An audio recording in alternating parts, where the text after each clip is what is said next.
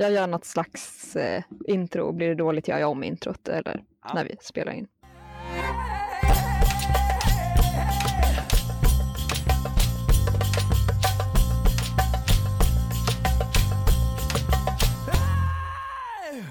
Hej! Välkomna till A-ordet, eh, en podcast om kristen tro och anarkistisk ideologi. Och eh, vi som är här är som vanligt Alice som pratar nu och eh, Jonathan. Vi gjorde ju en dokumentär. Ja, vi har inte gjort det förut. Ehm, Så att jag sprang runt i Sollefteå och ringde till folk som eh, har varit involverade i kampen för en likvärdig vård för eh, folk som bor på landsbygden i Västernorrland. Eh, Och pratade med dem om, om eh, sjukhusstriden kring Sollefteå BB och akutsjukvård. Mm. Och det är ett projekt sen- som vi känner oss väldigt nöjda med. Ja, för du gjorde en jätteproffsig klippning. Ja, och vi fick eh, använda musik från ett eh, jättebra reggaeband som heter Glesbygden och sånt. Det blev skitbra. Eh, så det ska ni gå in och lyssna på. Det är förra avsnittet. Eh, och vi kan också säga att om ni inte har lyssnat på det avsnittet så kan det hända att det här avsnittet blir lite intetsägande. Det är ju såklart eget innehåll också, men lyssna gärna på det förra så blir allting mycket mer tydligt och givande. Precis. Mm. Men jag är lite nyfiken, eh, Jonathan. Har du någon... Eh, du gjorde ju intervjuerna. Finns det några så här behind the scenes kommentarer du kan göra? Eller hur, så här, om hur det kändes att göra intervjuerna och så? Eh, det var väldigt spännande att prata med, med alla engagerade människor som har lagt så mycket tid.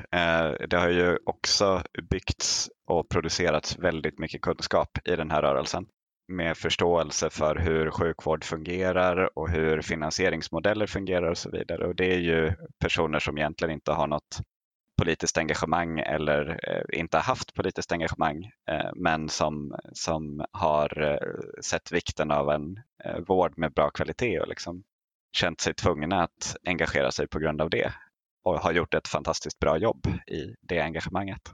Mm. Sen så tänkte jag att det är också bra att säga någonting om eh, vad som har hänt sen, sen avsnittet släpptes. Inte så mycket på grund av avsnittet men, men i rörelsen. Eh, det har kommit igång en, en dialog mellan de föreningar som har varit aktiva och eh, regionens ledning och eh, politiska majoritet kring hur eh, ockupationen ska kunna upphöra. Och det här kan ju låta lite konstigt men, men syftet är ju att hitta en lösning som alla kan bli nöjda med i bästa fall. Så det får man ju hålla tummarna för helt enkelt. Och det hade ju, inte, det hade ju aldrig hänt om inte ockupationen och alla andra aktiviteter kring sjukhusstriden hade drivit fram en dialog. Ehm, det som är lite mindre positivt det är att eh, regionpolitiken också har öppnat. Eh, det, står en, det har kommit ut lite artiklar i eh, Allehanda som är tidningen i Västernorrland och i Proletären kring att politiken vill stoppa eh, möjlighet att ockupera eller eh, göra politiska manifestationer i regionens lokaler. Och då handlar det om en utvidgning av ett tidigare förbud om, mot partipolitik och den typen av engagemang i regionens lokaler. Så det är ett sätt att försöka stoppa, eh, min tolkning, eh, liknande aktiviteter eller liknande aktivism i framtiden. Eh, Och det visar ju att en social rörelse måste hela tiden hitta på nya verktyg för att överraska politiken i den typen av påverkansarbete. Det var en lång utläggning, Ja. men eh, du som också har lyssnat på, på dokumentären, har du någon särskild eh, reflektion kring det du har hört?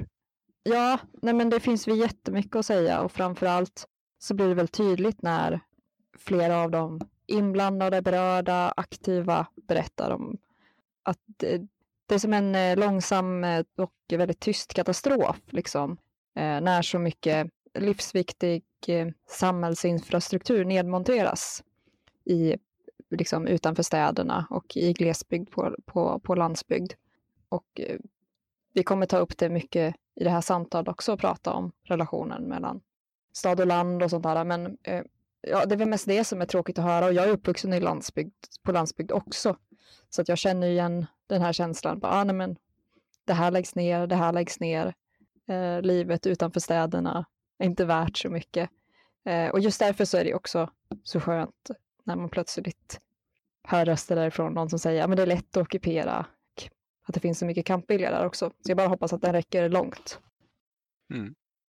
Men en sak som vi pratade om kring, kring sjukhusstriden, det är ju eh, vad har, vad har sjukhusstriden med anarki att göra? Eller varför ska en, en anarkistisk podcast ge sig in och gräva i den här frågan? Ja, det kan man ju undra.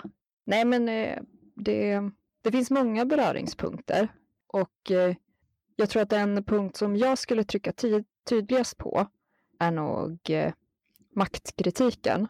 För att det, de, de frågor som ställs och det som upprör, det är ju hur det fattas beslut över huvudet på, på befolkningen i Sollefteå. Och man, man ifrågasätter liksom legitimiteten i politikernas beslut genom att säga att det här går inte vi med på. Eh, och det är någonting väldigt anarkistiskt i det, för att anarkismen studerar Eh, vart besluten ligger och försöker skapa egna alternativa maktstrukturer. Och det sker ju både i de rörelser som har ockuperat sjukhusentrén genom att sätta sig där och säga nej, vi gör en civil olydnadsaktion, vi sitter här och är tydliga med vår kritik, men också lite i VON, den föreningsdrivna vårdcentralen, som ett sätt att svara på en brist. Ja, det fanns också en dåligt eller finns en dåligt fungerande vårdcentral i Sollefteå och då gjordes det ett, ett initiativ att starta upp en, en bättre. Så det tycker jag är det intressanta. Men du betonar, och, eller du har också tankar om det? Mm, ja, men jag tänker väl att det, det första jag skulle vilja säga är att det handlar om, om något slags empatiskt perspektiv. Att eh, som, som anarkister så vill vi ju att alla ska ha lika mycket makt, att alla ska ha lika mycket inflytande och att allas liv ska räknas lika mycket. Och det här är ju väldigt, det här tror jag alla skulle, skulle gå med på att säga någonstans utom eh, ja, men i praktiken så, så tycker inte jag att allas, alla typer av politik strävar mot det målet. Och här handlar det om tillgången till vård. Att kunna få sjukvård när, när en mår dåligt eller kunna få akut hjälp när det har hänt en olycka eller något sånt. Eh, och tillgången och rätten till det. Och när, den, när det finns en etablerad rätt till vård som hotas, då är det självklart någonting som en som anarkist också vill bidra till att försvara på, på de sätt en kan. Och att uppmärksamma sjukhusstriden är ju ett, eh, kanske ett litet bidrag till, till det helt enkelt. Det som jag tänker kan krocka lite i perspektivet det är ju dels att eh, de som de rörelser som är eh, aktiva här, de är ju inte anarkistiska på något sätt, utan det är ju rörelser som på olika sätt vill eh, jobba inom de demokratiska strukturerna eller, eller bygga upp någonting på sidan om. Samtidigt så finns det ganska mycket praktisk anarkism i det som görs och det är naturligtvis intressant att, att gräva i. För det finns ju en skillnad mellan, mellan anarkism med stort A eller den ideologiska anarkismen och eh, de praktiker som, som anarkister använder sig av och som där eh, eh, budskapet ligger lite inbäddat i verktyget. Som en ockupation, det är ju ett sätt att ta makten lite i egna händer och det är ju ett det är ju ett exempel på ett anarkistiskt agerande, precis som du var inne på. Eh, precis som med VON också. Mm, exakt.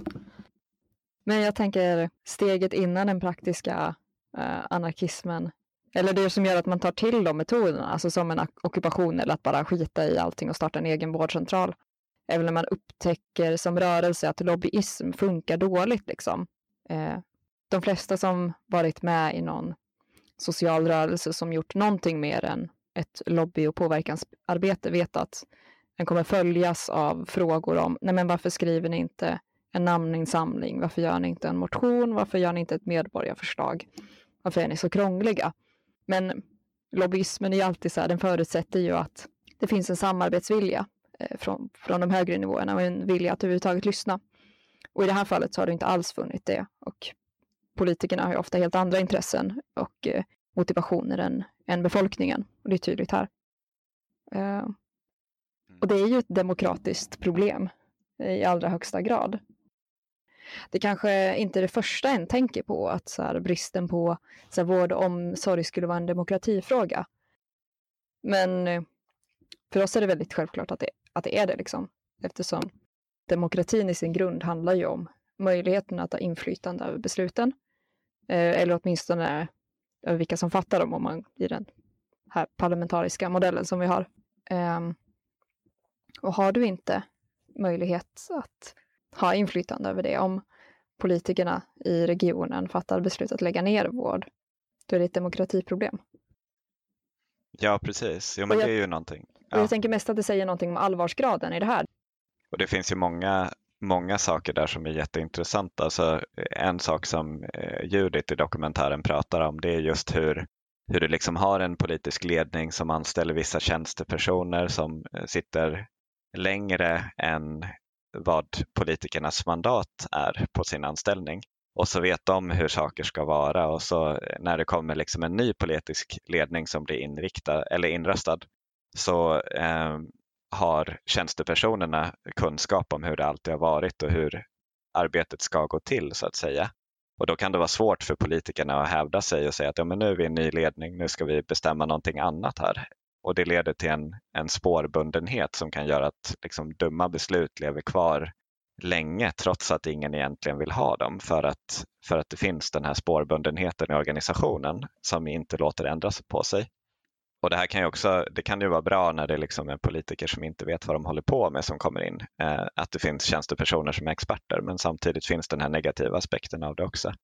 Eh, och så tänker jag på precis som du nämner också med just demokratiproblemet att här är det ju en, en liten del av befolkningen som är i behov av sjukvården vid Sollefteå sjukhus. Alltså om man tänker det är de som bor i Sollefteå kommun och de som bor i Kramfors som är de som berörs mest för alla andra som bor i länet har närmare till något annat sjukhus.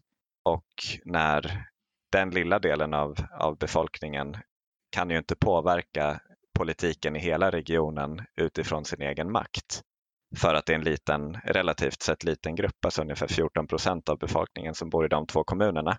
Och det gör att de kan inte påverka beslutet i samma utsträckning som, som beslutet drabbar dem. Och det är ett, där tänker jag är liksom anledningen till demokratiproblemet. De hamnar ju i en slags återvändsgräns där de alltid spelar med en förlorande hand. Precis, och då, så länge, det funkar ju liksom så länge den som är stor också är snäll. Mm. Men när den som är stor eh, måste sätta hårt mot hårt eller se, ser sig behöva sätta hårt mot hårt eller som i det här fallet har eh, väldigt konstiga och smått korrupta intressen av att liksom en del av länet ska växa och att den andra delen av länet nedprioriteras. Då blir det ju väldigt, väldigt fel. Mm. Ska vi prata lite om hur sjukvården har förändrats? Nu är vi ändå inne på så här, att du sagt saker som att den demokratiska modellen funkar om de styrande är the good guy, liksom. Vilket är hur den, den svenska välfärdsmodellen har utvecklats, liksom, om man backar tillbaks till en tid jag inte alls är expert på, men i sosse-Sverige när välfärdsstaten och folkhemmet växte fram, oavsett vad, vad man tycker om sådana saker. Men när den, den offentliga sjukvården byggdes ut handlade det om att eh, varje person ska, alltså sjuk, sjukvård är en rättighet. Det är, sjukvården är vårat, det är något vi betalar för gemensamt och därför så kan den bara inte tas ifrån någon medborgare eh, av någon anledning för att det, modellen ser ut så. Eh, men eh, under de senaste decennierna, alltså sen kanske slutet av 80, början av 90-talet, så har andra, andra tankar och andra teorier om hur hur sjukvården ska, ska bedrivas eh, smugit sig in från, alltså egentligen från näringslivshåll. Vi ska naturligtvis prata lite grann om New Public Management. Eh, det ska inte bli så långrandigt så ni behöver inte stänga av om ni tycker det är tråkigt med så här, näringslivstermer. Men eh, alltså, det här är något, ett begrepp som myntades 91 av en som heter Christopher Hood. Eh, och eftersom att vi har en statsvetare med i den här podden så tänkte jag att du bara ska få jättesnabbt säga vad New Public Management är eh, och, och varför det är relevant. Säger personen som har kollat upp källan. Ja. Eh, nej men, men eh, framförallt så eh, pratas det ju ganska mycket om New Public Management. Dels nämns det i dokumentären men också i rörelsen kring, kring sjukhusnedläggningen att det är ett paradigm som eh, har använts som en ledningsfilosofi. Och jag tänker att New Public Management är en, en konsekvens av eh, det som brukar kallas för nyliberalism. Att efter eh, ja, eh, efter oljekrisen där någonstans och på eh, 70-80-talet med Reagan och Thatcher så kommer det in en annan typ av politik efter liksom det socialdemokratiska välfärdsbygget som, som ju också bygger ganska mycket på en nationalistisk tanke att så här, ja, ett folk anses då på något sätt hänga ihop på grund av kultur och språk och så vidare. Och så för att eh, alla i folket delar kultur och språk och historia så eh, ska då en rik person bli motiverad att betala en högre skatt så att man kan finansiera en stor offentlig vård. Och det här, det här systemet det håller liksom inte riktigt eh, längre på grund av, av eh, hur ekonomin har utvecklats och hur globaliseringen har hänt. Um, och då, och då ändras liksom paradigmet eh, och de, de personerna eh, som sitter på väldigt mycket kapital och resurser de har en betalningsvilja som inte är lika stor längre. Ett symptom på det, det är ju den här eh, Leif Östling, tror jag han heter, eh, mm. profil inom näringslivet, eh, inom svenskt näringsliv, den lobbyorganisationen som eh, gjorde en, ett klavertramp här om året när han sa att eh, ifrågasatte vad han egentligen får för skattepengarna. Um, det är liksom ett, ett symptom på, på det här. Och New Public Management skulle jag också kunna se som ett symptom på detta. Det är en tanke om att offentliga organisationer ska eh, fungera på samma sätt som företag.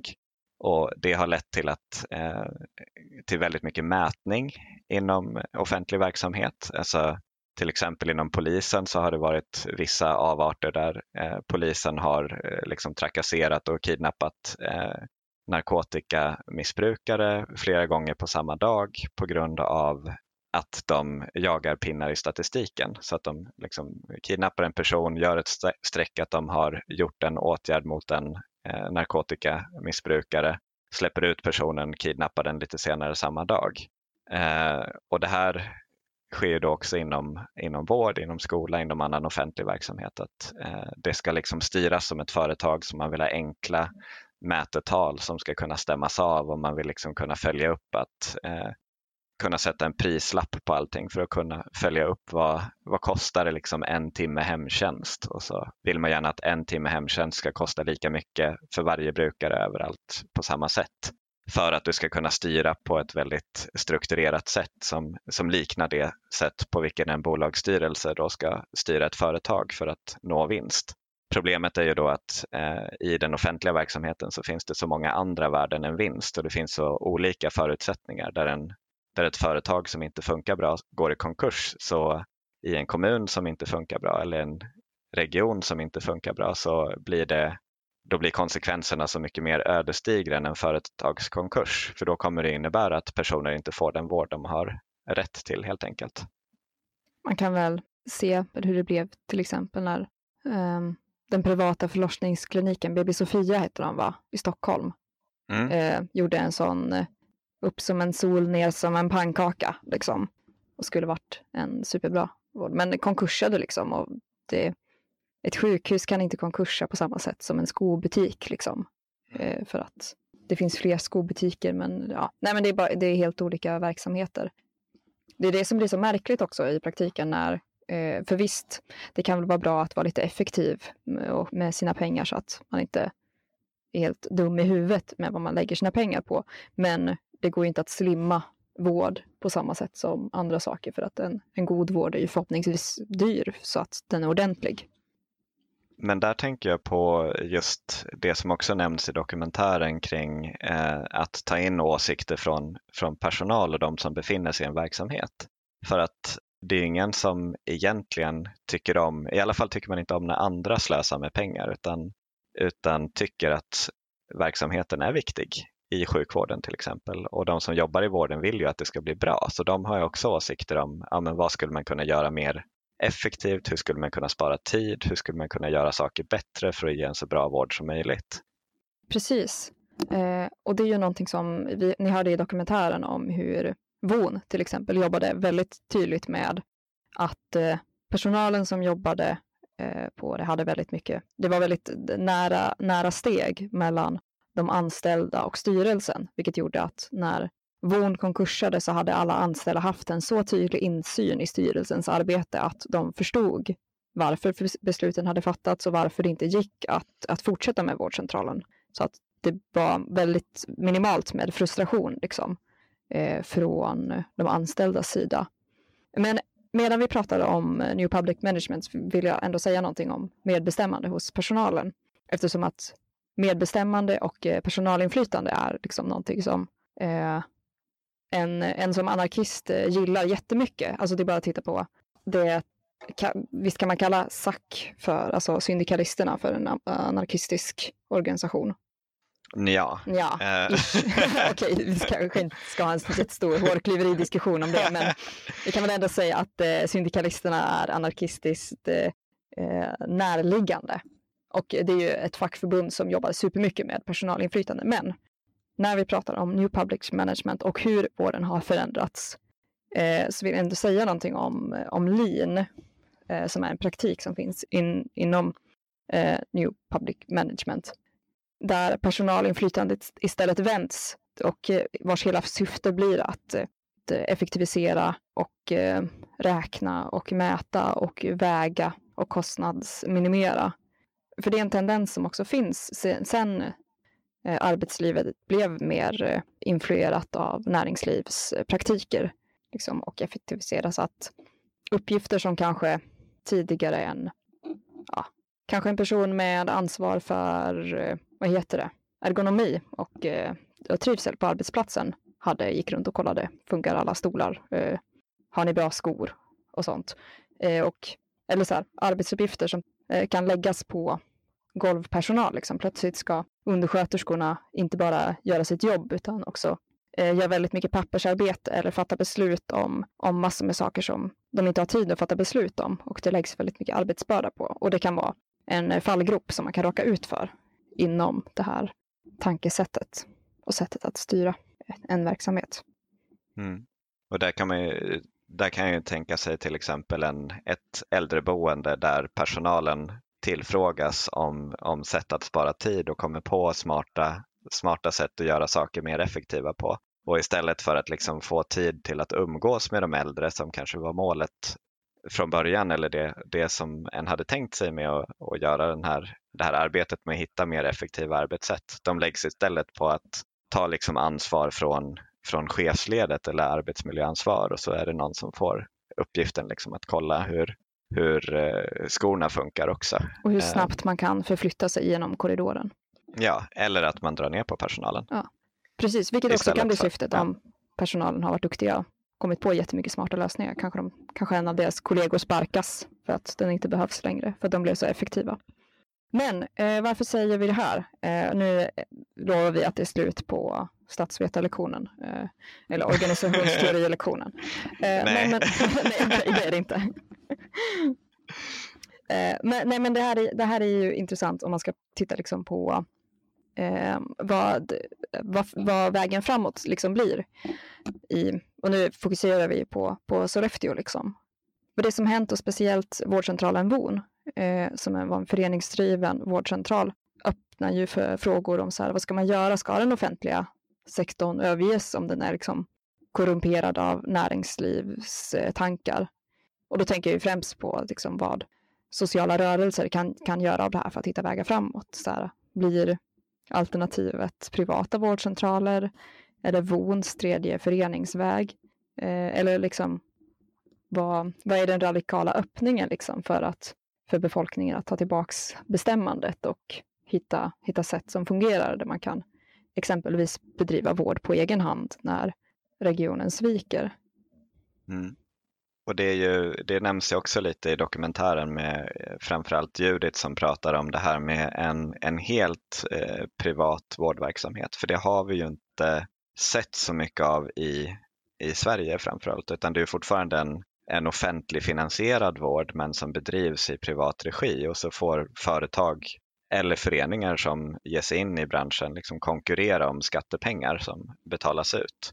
Och där har ju det problemet som dök upp i dokumentären och som belystes var ju att eh, VON upptäckte då att de här ersättningsnivåerna de är alldeles för låga och täcker inte det, den kostnad som man faktiskt har medan den offentliga sektorn, eh, vårdcentralerna där kan gå med stora förluster utan att det syns för att de täcker upp för varandra eller kompenserar för varandra.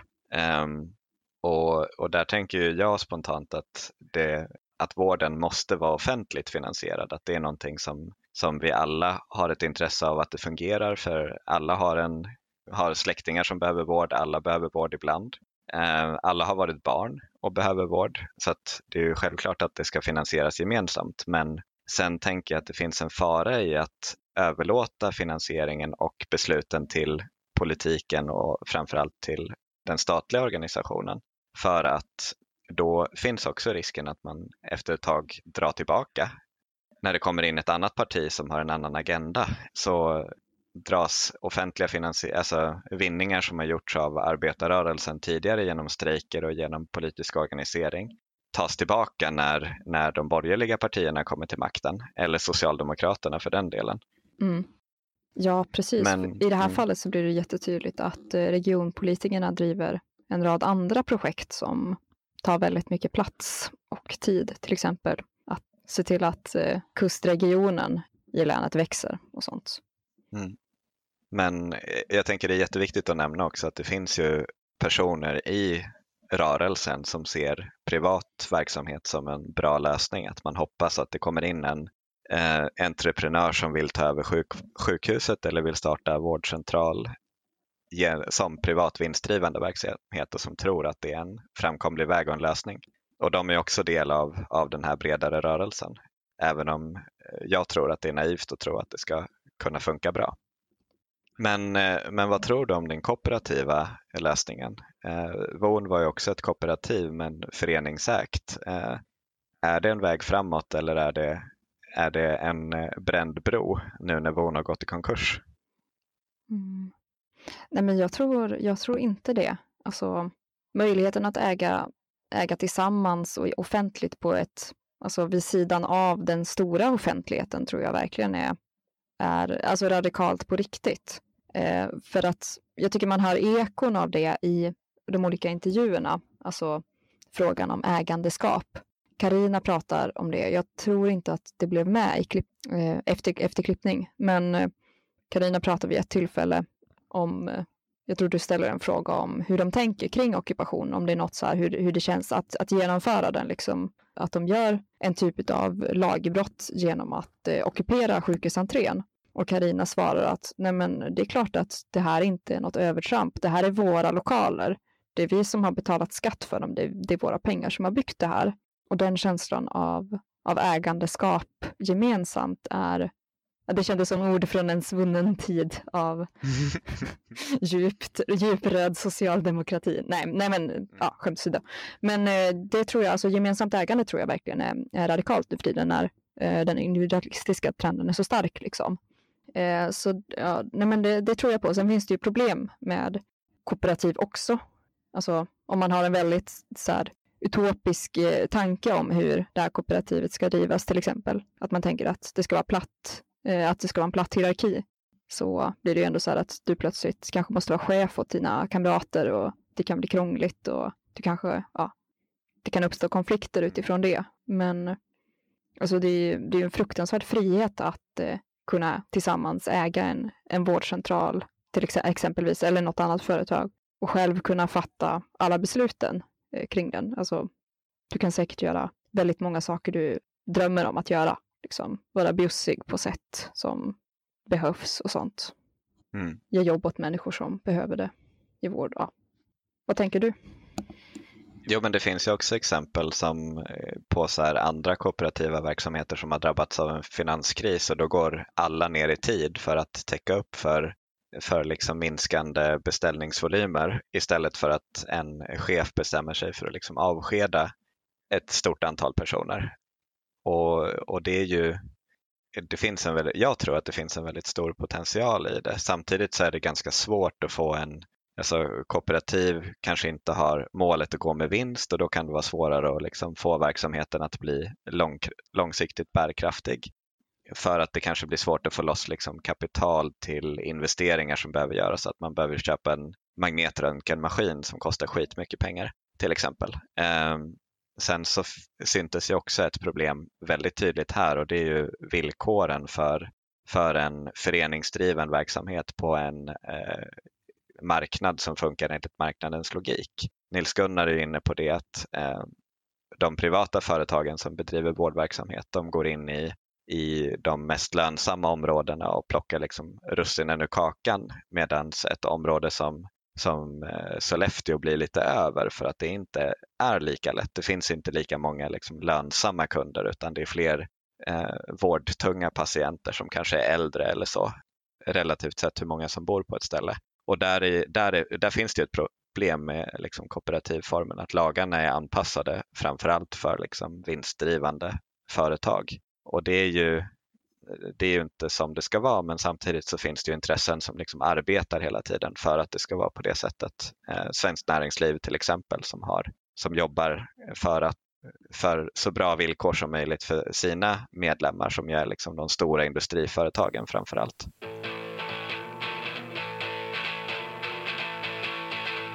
Något jag tycker är det mest så här, spännande med, med ockupationen och liksom, eller nu bor ju inte jag i Sollefteå, men som jag uppfattar liksom stämningen som, som finns bland ockupanterna och kanske också bland, bland bara random person som bor i, i Sollefteå, så verkar det uppstått ett, eh, en stämning där man bara, ja men en ockupant är inte något som är exotiskt, utan det kan vara någon du känner eller bor granne med eller till och med du själv. Eh, och det tycker jag känns så, så viktigt och unikt, liksom, att motståndet har blivit folkligt på ett sätt. Eh, det är bara vanligt hederligt hyfs att sätta sig och ockupera sjukhusentrén eh, eftersom eh, regionpolitikerna är korrupta. Alltså det är som en alternativ verklighet för mig att människor reagerar på det, på det självklara och eh, liksom eh, sunt förnuft-sättet och jag tänker, det, det kanske är lite, eller det för mig känns som att det finns någon slags momentum för helt andra radikala eh, förslag också. Nils Gunnar var ju lite inne på det när han pratade om, han var, ah, nej, men när vi är klara med sjukhus, eh, sjukhusfrågan och löst det, då kanske vi kan gå över och lösa bankfrågan och sånt. Eh, är det lite upprors, är det revolutionsstämning i Sollefteå eller vad är det som händer? Eh, jag skulle inte säga revolutionsstämning, eh, men, men däremot så har det hänt någonting. Det tycker jag är väldigt tydligt.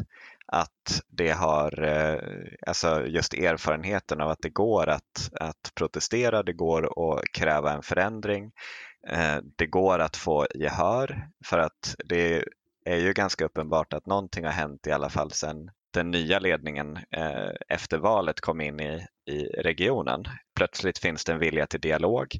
Eh, det är ju kanske inte så att man omedelbart är beredd att liksom gå eh, ockupationen till mötes men samtidigt så finns det en kraft bakom som gör att det kommer inte bli lätt och det blir nog ingen lätt förhandling för eh, de politiker och de tjänstepersoner som sitter i dialogen. Så att det ska bli väldigt spännande att se vilka eftergifter det finns. Och det här gör ju någonting med, med orten naturligtvis. Eh, och absolut som du säger att det är, här har ju aktivismen blivit folklig på ett sätt som säkert är ganska unikt. Det finns ju i och för sig rötter just i Sollefteå-Ådalen-området. Där har ju en av de största strejkerna till exempel ägt rum, alltså skotten i Ådalen. Mm. Jag kan tänka mig att sånt ekar också. Men det, det räcker ju inte alltid att ha ett radikalt förflutet. Mm. Eh, podden Apans anatomi, de har lite historia om eh, Ådalen. För de har också varit i Ådalen. Eh, nu kommer jag inte ihåg vilket avsnitt det var. Jo, det är Ådalen reser sig igen och igen och igen. Så det, är jättelätt. Ja, det var ju ganska lätt att hitta. Väldigt lätt att hitta. Men det är också väldigt spännande. Men jag tänker också, alltså en, en liten spaning här, det är ju alltså de här processerna som har hänt här med en, alltså en liberalisering eh, där eh, du har mer liksom ett företagstänk som kommer in. Du har alltså nedläggning eh, och åtstramningspolitik har ju varit liksom legio sedan 1990-talet på olika sätt i liksom den svenska offentligheten och i många andra länder. Och jag tänker lite att en sak som hände här det var att, att eh, temperaturen skruv, skruvades upp för snabbt.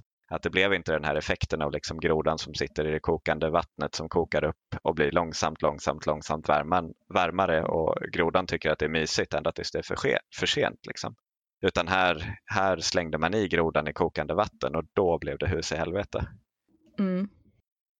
Man räknade um, kanske inte riktigt med, eller min, mini-analys. Alltså jag tänker att, att det just gällde förlossningsvården i en tid strax efter att eh, feminismen bara exploderat tror jag också påverkar mycket att man godkänner inte eh, just att just en sån sak tullas på.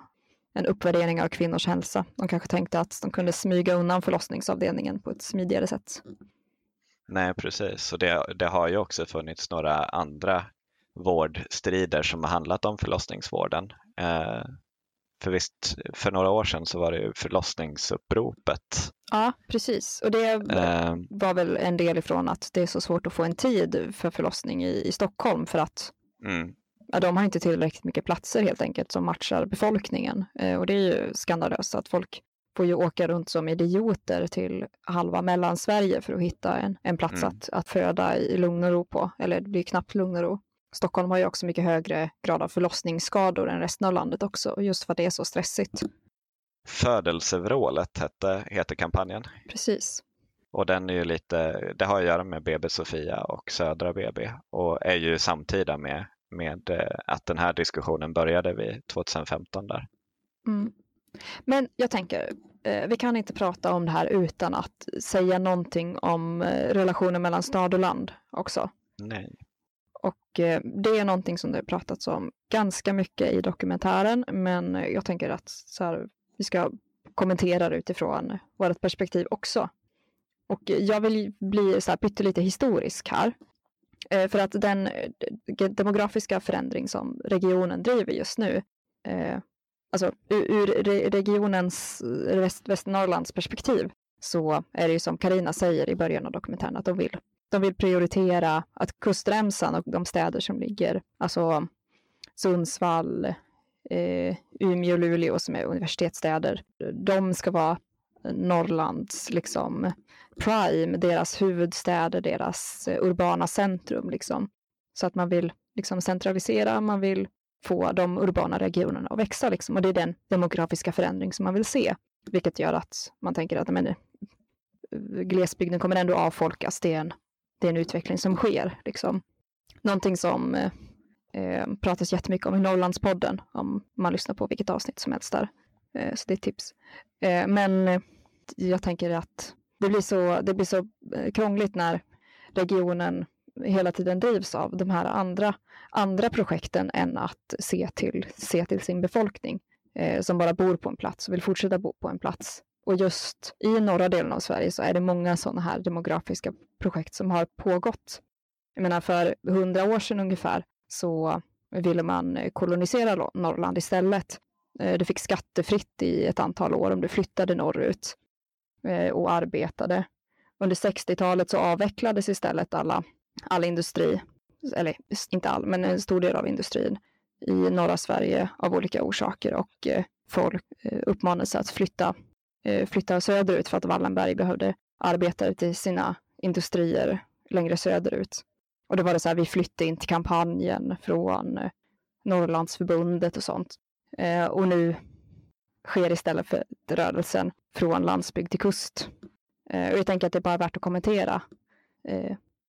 och då i ett område som också har en urbefolkning som har rätt till sin mark. så det är värt att säga också om platsen där det här händer. Eh, inte, har du något att tillägga om det? Nej, alltså det, är ju en, det finns ju en komplexitet i det att eh, människor bor på en plats och har sin försörjning och sen att eh, flyttning sker ju ofta dit jobben finns eh, och det hänger ihop med, med liksom hur, hur konkurrensförhållanden leder till att eh, företag måste effektivisera sin produktion hela tiden. Då blir det liksom övertaliga befolkningar med, med vissa intervall. Eh, och då, då finns det inget större val för dem än att, än att flytta. Apans anatomi i sitt senaste avsnitt, för att eh, hänvisa till den podden igen, eh, pratar om det att just nu är ju liksom den största migrationsvågen som, som någonsin har varit och då pratar vi inte liksom om flyktingar från Syrien utan personer från landsbygden i Kina som migrerar liksom miljontals människor in till städerna. Och det här är ju samma, samma typ av process. Sen är det intressant liksom med hur kulturella eller liksom historiska faktorer påverkar. Att det finns en bild av att så, ja, men, Sundsvall ska vara den här eh, Norrlands huvudstad eh, som, som ska dra till sig folk och landsbygden är liksom ett nedmonteringsobjekt på något sätt samtidigt som människor som bor här vill ju bo här, vill bo nära familj eller vill bo nära naturen. Och det är ju också någonting som, jag vet, alltså, i, i bästa fall skulle ju människor kunna bo där de, där de ville och så får man hjälpas åt att hitta sätt att samexistera på istället för att människor ska styras av, av väldigt kortsiktiga intressen. Mm. Men eh, ja, det var så mycket om det. Men har du några andra tankar om, om varför det sker? Ja, det finns väl mycket teorier om det. Alltså en sak kan man ju säga att det är väl ett symptom på det, det som kallas så senmodern kapitalism. Dels att så här, Sverige har mycket mer av en kunskapsekonomi än en sån här, jag vet inte vad det kallas, men nu säger jag hands-on eh, ekonomi, byggsaker, industri, eh, för att jag kommer inte ihåg vad det heter. Nej, men mycket mer av en kunskapsekonomi eh, och eh, den äger rum i urbana miljöer, liksom. både så här berättelsen om vad kunskapsekonomin är, hur den upplevs, vilka kaféer du ska sitta på, i vilka kläder, eh, med vilken eh, mössa och så. Och eh, det finns en sociolog som heter Sigmund Bauman som pratat supermycket om det här. Men ett symptom på nutiden och hur kapitalismen visar sig just nu är liksom just att alla platser som är liksom vad man kallar det lokala, alltså den lilla orten där du är och bor hela ditt liv, den lider. Därför att för att lyckas i den här typen av kapitalism så behöver du vara rörlig. Och där får de fattiga jaga efter såna här äh, gigjobb, liksom Foodora, cykla och leverera mat till folk som inte orkar åka och hämta den. Eh, och de rika följer liksom kapitalströmmarna och flyttar och flyger mellan olika storstäder liksom över hela världen i olika kontinenter. Eh, och alla som blir kvar på en plats hela sitt liv av vilken orsak som helst eh, anses vara förlorare och behandlas som förlorare och får konsekvenser som förlorare. Eh, och då är det svårt att leva någon annanstans än i urbana miljöer. Liksom. Och det tänker jag att det borde man, eller där är det livsviktigt att göra motstånd mot den tendensen. Mm. Och det, där finns ju en del av förklaringen till det här med just att så här, nationalismen urholkas som, som eh, samhällslögn. Eh, ja, samhällslögn är också ett så här statsvetarbegrepp som kommer tillbaka till Platon som menade att man måste ha en, en berättelse som samhället bygger på. Då, då kan man hitta på, lika gärna hitta på en lögn som är bra att bygga samhället på. Liksom. Eh, när de, eh, jag tror det var du som kom med reflektionen när vi planerade att liksom när de, de personer som är rika eh, bor på, i tre olika globala storstäder och pendlar emellan dem, liksom, då minskar eh, samhörigheten med, eller känslan av samhörighet med platsen som, som en är född på eller platsen där en bor och verkar. Och det är ju, där tänker jag att det är intressant också att fundera på så här framåt. Det finns en globalisering, den har dött förut på 1800-talet till förmån för nationalismen men, men samtidigt så såg vi under 1900-talet nationalismens avarter och vad skulle kunna vara en, en bättre berättelse att bygga samhället på som kanske inte behöver vara en lögn som gynnar dem som, de som bestämmer eller har liksom ekonomisk eller, eller institutionell makt utan som istället gynnar alla i lika stor utsträckning. Word. Det kanske var jätteflummigt. Nej, nej jag tyckte att det var Men... en, eh, en bra, en bra samman. Jag tror att vi ska börja wrap it up lite grann. Ja, Så mest därför absolut. jag inte kommenterar. Jag skulle kunna prata massor om det där. Men eh, då tar vi och hoppar över de två punkterna som, som vi har kvar kanske. Och går direkt på utopi, eller? Ja, precis. Ja, nej men det kan vi göra. För då, då kan jag ställa frågan till dig så här utifrån, att, utifrån det här resonemanget och så här, det behövs en, en likvärdig vård eh, men förutsättningarna har förändrats. Vad skulle kunna vara alternativet? Hur skulle liksom en, en anarkistisk modell för en likvärdig vård för alla kunna se ut? Ja, det är ju den största frågan. Nej, men jag vet, det enda jag kan säga om det är ju att det finns exempel på anarkistiska vårdenheter som fungerar alldeles utmärkt. Det har blivit eh, i Grekland efter den ekonomiska krisen där så blev ju så här anarkistisk tandläkarmottagning till exempel, eh, någonting som startades upp och funkar alldeles utmärkt. Och där gäller det väl bara att se till sig själv att så här, vi har de resurser som behövs i oss själva för att skapa det vi behöver. Liksom. Finns yrkeskompetensen hos personer så är det möjligt att göra väldigt mycket. Liksom. Eh, men sen saknar du resurser och eh, bra han, avtal med, med, med region och landsting så kan det ju såklart bli ekonomiskt jätteknöligt. Men det finns, eh, det finns för, väldigt goda förutsättningar tror jag och där måste vi nog vara, vara modiga liksom och kanske våga göra lite galna saker. Eh, att kanske mm. utvidga en ockupation och ta den till ett helt hus, släppa dit utrustningen som behövs och köra igång. Jag vet inte, det är jättenaivt sagt, men Eh, det är mest att säga att det är möjligt och, eh, och, väldigt, och nog väldigt bra. Speciellt när, eh, när nackdelarna börjar slå väldigt hårt mot en del delar. Då kommer det bli nödvändigt att fylla i där staten sviker. Liksom. Mm. Vad tänker du? Ja, men jag tänker, tänker precis som du och att eh, inte bara på, på att kunna göra någonting i ett ockuperat hus, för det tror jag är svårt i, i Sverige, men att eh, göra någonting utifrån där man försöker liksom hitta eh, sprickorna i de spelregler som finns. Alltså en eh, Eh, VON tycker jag är ett väldigt inspirerande exempel. Nu kommer det igång någonting nytt eh, och det är, en, det är ju rörelser där personer som inspireras av en anarkistisk tanke kan, kan bidra och kanske komma in och hjälpa till att tänka och fundera på hur kan man göra det på ett så rättvist och eh, bra sätt som möjligt jag ser det väl lite som så här, ja men Von hittade på ett nytt verktyg i verktygslådan. Eh, det kanske går att förfina och göra om på andra ställen. Det hade varit väldigt, väldigt spännande att se fler sådana initiativ uppstå. Mm. Och viktigt är också att just använda alla verktyg som vi har i verktygslådan.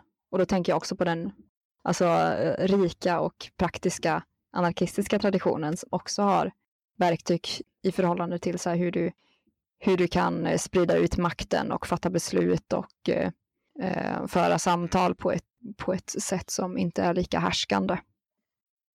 Men det är också jättespännande så här utifrån att det här är ingen, ingen ideologiskt anarkistisk rörelse utan har samlat människor från alla möjliga olika politiska perspektiv och flera personer som har liksom deltagit i rörelsen har blivit politiskt aktiva men inom, inom liksom den parlamentariska formen och inom parlamentariska partier. Men samtidigt så tycker jag att det, det är liksom spännande när, när eh, vi får lära oss anarkism av, av människor som inte alls är ideologiskt skolade.